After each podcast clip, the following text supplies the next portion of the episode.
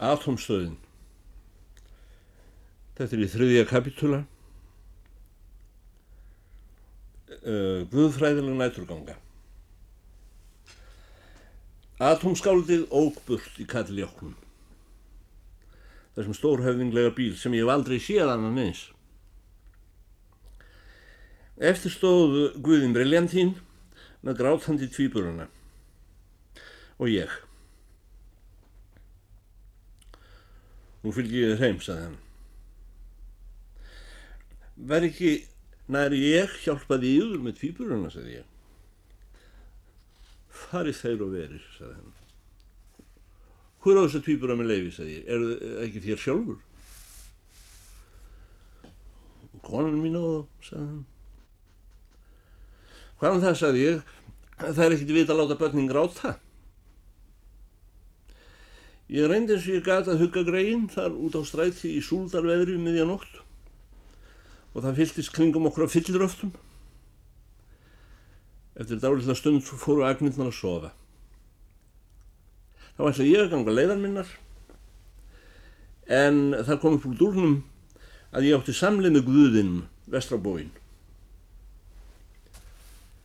Þegar við höfum gengið um stund, auðar eftir götunni, gæti ég ekki stilt mig að spyrja voru það ekta peningar sem þið voruð að brenna þarna á þann eða voru þeir falskir? Ekta peningar er ekki til, sagði hann. Það er allir peningar falskir. Við guðir rækjum á peninga. Þó hlýtur Adam skáldið að vera vel stætt að aka svona bíl. Allir sem kunna stela eru velstæðir, sagði Guðin. Allir sem ekki kunna stela eru illastæðir. Vandin er að kunna stela. Mig langaði að vita hvernig þetta litla skáld hefði stólið þessum stóra bíl. En frá honum bítar í húsbónd okkar, sagði Guðin. Ha, kannast ekki við bítar? 200.000 naglbítar, FFF. Hann sem situr í New York og, og falsar faktúrur fyrir hlutafélagi Snorraðellu og þá. Og um, hefur skrifað grein í blöðunum annan heim og byggt kirkju fyrir norðan. Þeir fyrirgefið þó sér aldrei seina skilja, saði ég. Ég er úr sveit. Það er engin vand að skilja það, saði hann. FFF, uh, The Federation of Fulminating Fish, New York. Á íslensku faktúru fölsunar félagið. Einn tala kostar holvan eiri fyrir vestan, en þú verður félagi New York, FFF, sem selur þér hana á þverkrónur og skrifar á faktúruna einn tala þverkrónur. Þú græður 4000% eftir mánuð 8 miljón. Þú skilur það? Það var allt í enn kallað til okkar og maður kom hlaupandi á eftir okkur berhöðaður. Það var organistinn. Fyrirgefið, sagði hann, móður af hlaupum, ég glemdi þetta á litlu, ekki vengt ég annað hvort ykkar séu svo statt að geta lána mér krónu. Guðinn fann ekki neitt í vörsum sínum, en ég átti krónu í kápuvarsanum og fjakkonum.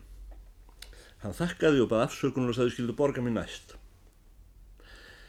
Ég þarf nefnilega að kaupa mér 50 grama brjóssikri í fyrramálið, sagði hann, og síðan bauði hann okkur góða nótt og fór. Við gengum þegjandi nokkra stund með barnavagnin og það var komið langt fram yfir miðnætti. Ég var í huganum að reyna að finna einhvern botni í kvöldinu uns förunautur minn segir. Finnst þér, ég hans ekki vel dálítið öðruvísi en aðrir menn? Hann var í rauninu bráðmyndalegur og hefði áreðanlega töfrað marga stúlku með þessum stingandi augum og þessu blöyta morðingja brosi. En einhvern veginn hafði hann engin áhrif á mig. Ég heyrði vallinu sinu þó að vera að segja eitthvað. Sem betur fyrir eru ungvirt tveir menn eins, sagði ég. Já, en finnur ekki út frá mér neitin undarlegan ströym, spurði hann.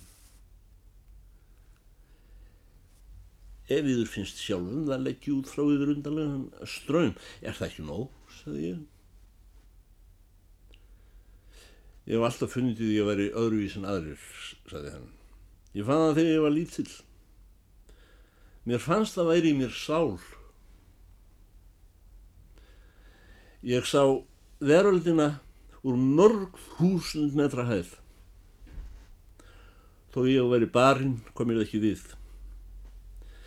Ég gæti tekið Reykjavík undir handleikinu og farið með hana burt. Það lítur að vera einkennilegt að hafa svona hugmyndir, sagði ég. Og eh, ég hef bátt með að skilja það.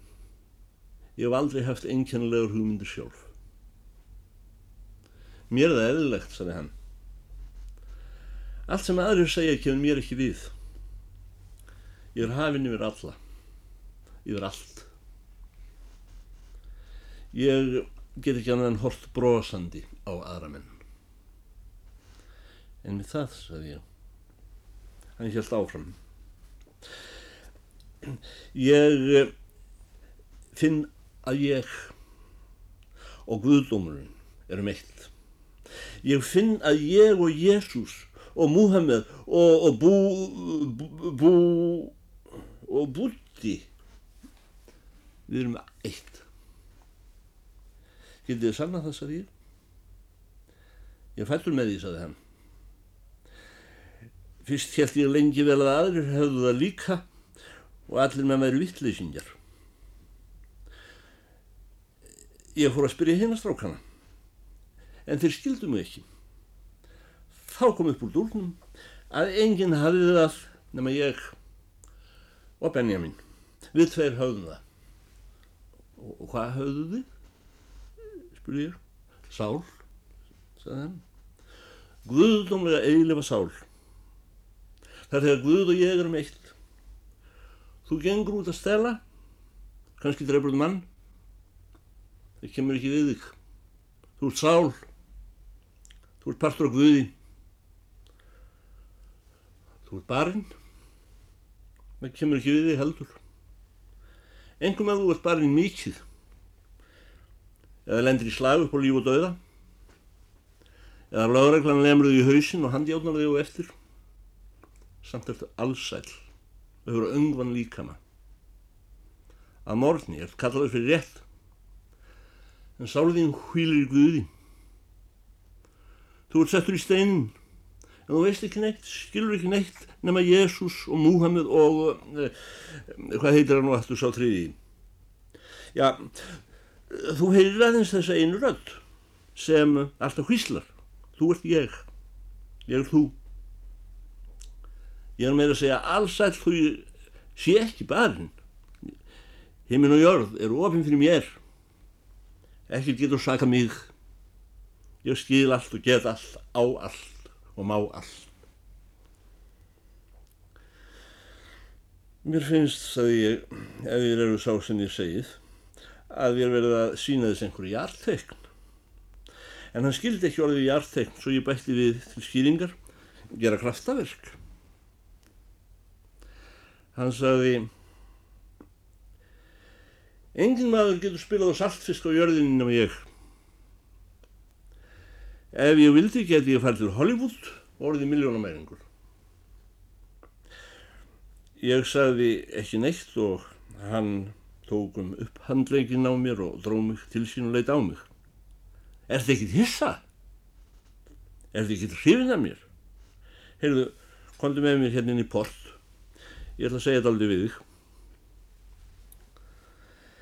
Ég veit ekki hvers konar fíbl ég var að fara álpast með honum bakuð hús því auðvitað vissi ég ekki fyrir hann var búin að setja mig upp við vegg og fara hann að kissa mig og reyna að flett upp um mig og batna vagnin hjá.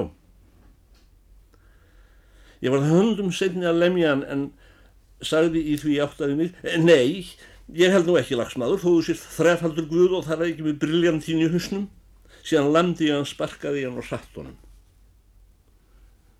Helvítastu skæð, saði.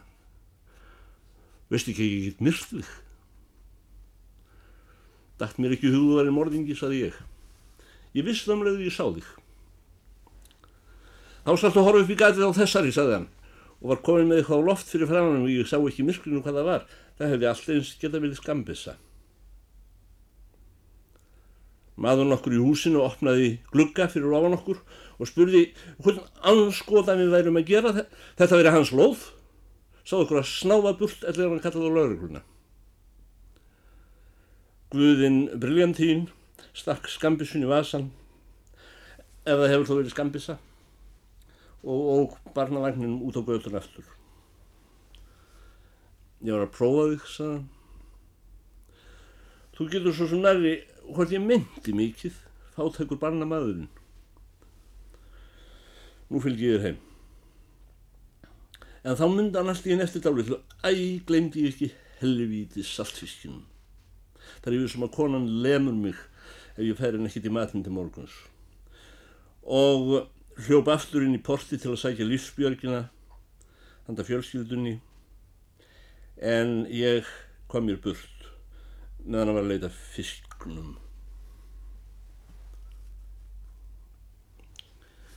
Fjóruðikabli Fortölur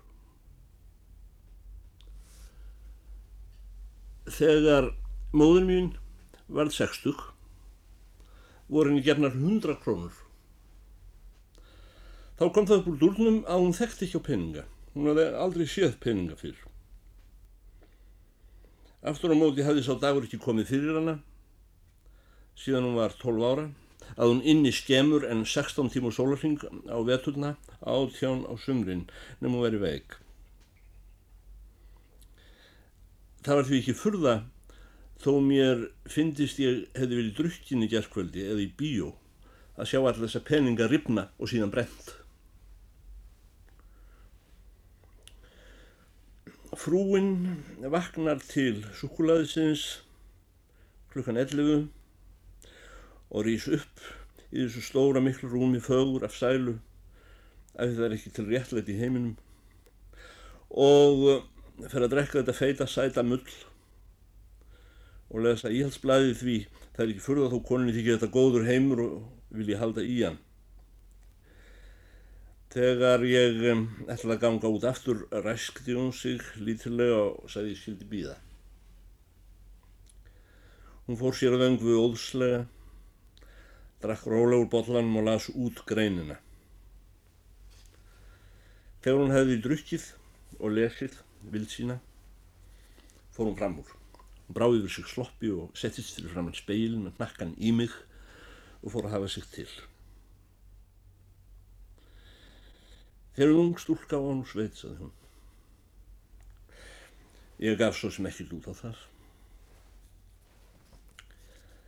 Náttúrulega kemur mér ekki við hvernig stúlkunan mínan lifa á nóttinni, saði hún. En húsins vegna, skiljar. Húsins vegna, saði ég. Sem sagt, húsins vegna, saði hún. Einu sinni flutti stúlka lús inn í húsið. Síðan snýri hún sér í sætinu og leiði á mig, alla, og brosti og sagði Kavaljerar eru með sjafnir. Einmitt það, sagði ég.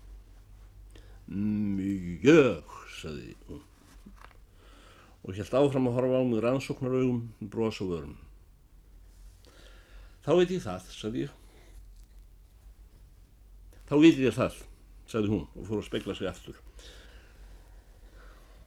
Við hjónin sáðum ekkert í fyrra þó stúlkan tæki inn kana við og við. Þeir eru undir heilbríðis eftir liti.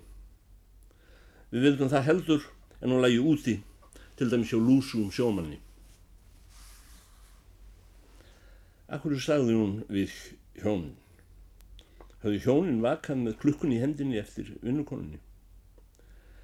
Eða var hún að minna mig á mismunin á því að vera síðferðilega giftur heima í rúmi eða útilögustúlka. Hún hafði langar rauðmálaðar neglur og mér fannst hún hlið til að klóra mannin sinn. Í fyrstu hafði ég ætlað að segja henni af létta um útífist mínu gerðkvöldi en Nú fannst mér allt í einu, ég væri engin svar gikkur þessara konu. Þó vonum við í lengstu lög, saði hún, að þeir hefði ekki lengt í sellu. Sella? Ég sagðist ekki skilja orðin. Þeim mun hættar eruður, sagði hún. Sveitastúlkur sem les ekki blöðin og skilji ekki hvað er að gerast í þjóðfélaginu vita ekki fyrir þeir komin í sellu. Ég fann nú að verða forvitin, sagði ég. Svínar ég kommunista getur engin lísn orðum, sagði hún. Ja, Mikk fann nú að hálf langa í svínari ef þér haldið áfram að tala svona, sagði ég. Engin stúlk á landinu var í meiri hættu en ég, sagði hún hátilega. Fadir minn á heldverslanir og smáverslanir, bíótógara, prentsmýður, dagblöð, lísisbræðslur og beina mjöls, vörksmýður, ég gæti allt og mátti allt. Ég gæti farið til Parísar hvernig sem ég var. Uh, ég gæti farið til Parísar hvernig sem var og tekið þátt í hvaða svínur í sem ég vildi.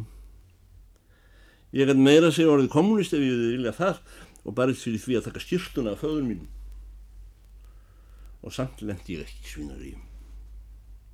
Ég fann minn mann og með honum hef ég byggt mitt hús. Ég vátt mín börn, góða mín, og það hefur verið mitt líf að alaði upp fyrir þjóðfélagið. Engin heiðaleg kona sér eftir því að hafa átt sín börn og alið þau upp í staðin fyrir að fara út í svínarí.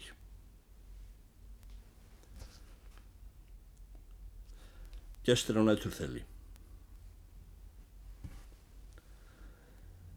Um, kvöldi saði hún mér að líta vel út því það kemur heldri með frá Amríku að tala við húsbóndan. Hún saði ég ætti að opna fyrir þeim og bjóða þeim inn en tók mér vara fyrir að helsa þeim eða líta á þá og umfram allt ekki vera alþýðlega og svipin. Slikt miskildu úrlandingar. Ef ég kynni ekki ennsku verið mér hotlast að þeia Engum skildi ég varast að segja please þegar ég bærið um sótavatnið. Maðurinn minn hugsaði um viskið. Ég beðið hálf kvíðinn fram eftir kvöldi eftir þessum gestum sem eru svo tygnir að þeir gótu skittnað ef annarlegur maður helsaði á þá. Loks komið þeir. Bíl þeirra rann upp að garðslíðinu og var á samri stund runnin aftur frá en þeir á dýraþreipinu með fingurinn á bjöllunnappnum og ég opnaði og let þá inn. Annar var digur maður í herfóningjabúningi, hitt langur maður almúaklættur. Ég hefði ekki gert ráð fyrir þeir litu á mig. Því séu þeir órenguðu sig á að helsa en það var þá öðru nær. Þessi menn voru alúðinn sjálf og það var eins og þeir hefðu hitt gamla vinkonu. Þeir brostu ljúlega og sögðu einhver lífandi óskup og annar klappaði mér á bakið. Ekki við það komandi að ég fengi að hengja upp kápunar þeirra á höfuðfötin, það gerur þeir sjálfur. Herrfóringin sótti mér að segja handfylli af tóliðurstuggum honni í vasa sem hún gaf mér og hinn vildi ekki vera síðri og fekk mér pakka með sígrættur. ef satt skal segja, hef ég valla fyrir hitt alþýðleiri menn og þó frjálsmannlegir svo ég glemdi öllum þeim styrðu tilburðum sem ég hafði verið fyrir frettir og brosti og var vinnur þeirra. Þegar ég barði um sódavatnin og glösin rétt á eftir voru þeir sestir á samt húsbóndanum með landkort fyrir framansi bæða í Íslandi og heiminum. Húsbóndin stóð upp og kom á móti mér og hjálpaði mér að setja niður bakkan og baði mig vera tagltæka ef þeir skildu þurfa einhvers með en þeir þurftu einskis allt kvöldið. Nær miðnætti kom bíl þeirra upp að garðsliðinu og þeir voru þottnir. Af einhverjum ástæðum þótti ekki heppilegt að láta bílinn staldra lengi fyrir utan húsið. En eh, ekki voru liðnar nema örfáar mínútur þegar nýr gestur var í forðirinu. Það var fyrsta skipti sem ég sá forsætisráð þegar hann bróður frúarinnar. vissi aðeins hann átti heima í hornhúsi mínútu utar í strætinu, þekkt hann af myndum. Hann leiti ekki á mig þegar ég opnaði og hálf óði gegnum mig með hattin og höfðinu inn í húsið. Þegar ég kom með glas og kallt sódavatn handunum, sagði húsbóndin í sínum íslenska tóni. Þetta er nú fjalluglan okkar að norðan. En ráðhæran kveikt sér í vindli, kyrður saman í herðarnar, með strempin harðlífis svip, fullur uppgerðar djúphyggju og ansað ekki hjá koma.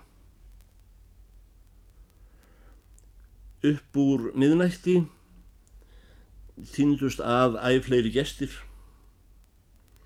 Ég hafi grunum að ráðherran símaði og um, leti vekja þá að svefni. Sumir af um, þeirri manngjörð sem ber með sér að miðdebil alheimsins er þar sem þeir standa. Þeir sátu í vinnustofu doktorsins og töluðu lágt en drukku svo ekki fulla. Mér var sagt ég skildi fara að hátta en lengi nætur fannst mér húsið vera leinilegt torg. Ísland í götunni, æskulíðshöll. Í ljósaskiptunum daginn eftir fer ég í bröðsöluna á horninu, skáhald móti ráðherranum, en þar stendur jafnan hugsandi stúlkabæk við disk að afhenda mjölk og bröð og um, stundum piltur að tala við hana fyrir framann diskin. Og nú bregður svo við í þessari kyrlátu götu að það er allt í hennu komin ókýrð. Óreglulegir hópar ungs fólks á sveimi í nánd ráðrahúsins. Eitthvað hafi komið fyrir. Allir voru æsti til augnana, öngum stökk brós. Forvitnir vegfærendur staðnendust á gangstéttunum, gluggar opnuðust í nágrenninu. Og undir ljóskeri stóðu tveir lögreglumenn með svarta hjálma og barefli og ekki vendi þeir hafi málað sig með sótuðum korktappa undir augunum. Hvað er þetta? segi ég við höfðinglegan mann sem strönsar með djúpíkjusvip eftir strætinu og hann svarar snögt. Það eru kommunistannir. Um leiðu hann hverfur. Nú fór ég heldur að verða forvítin og legg sömu spurninguna fyrir mann í kámugum samfesting. En hann lítur fyrst á mig hissa svarar síðan nokkuð kaldrannalega um leið og hann snýr sér undan. Á að selja landið? Hvað ætlar að selja landið, segi ég upp úr eins maður hljóði á miðri göttinni svo fólk lítur á mig hissa.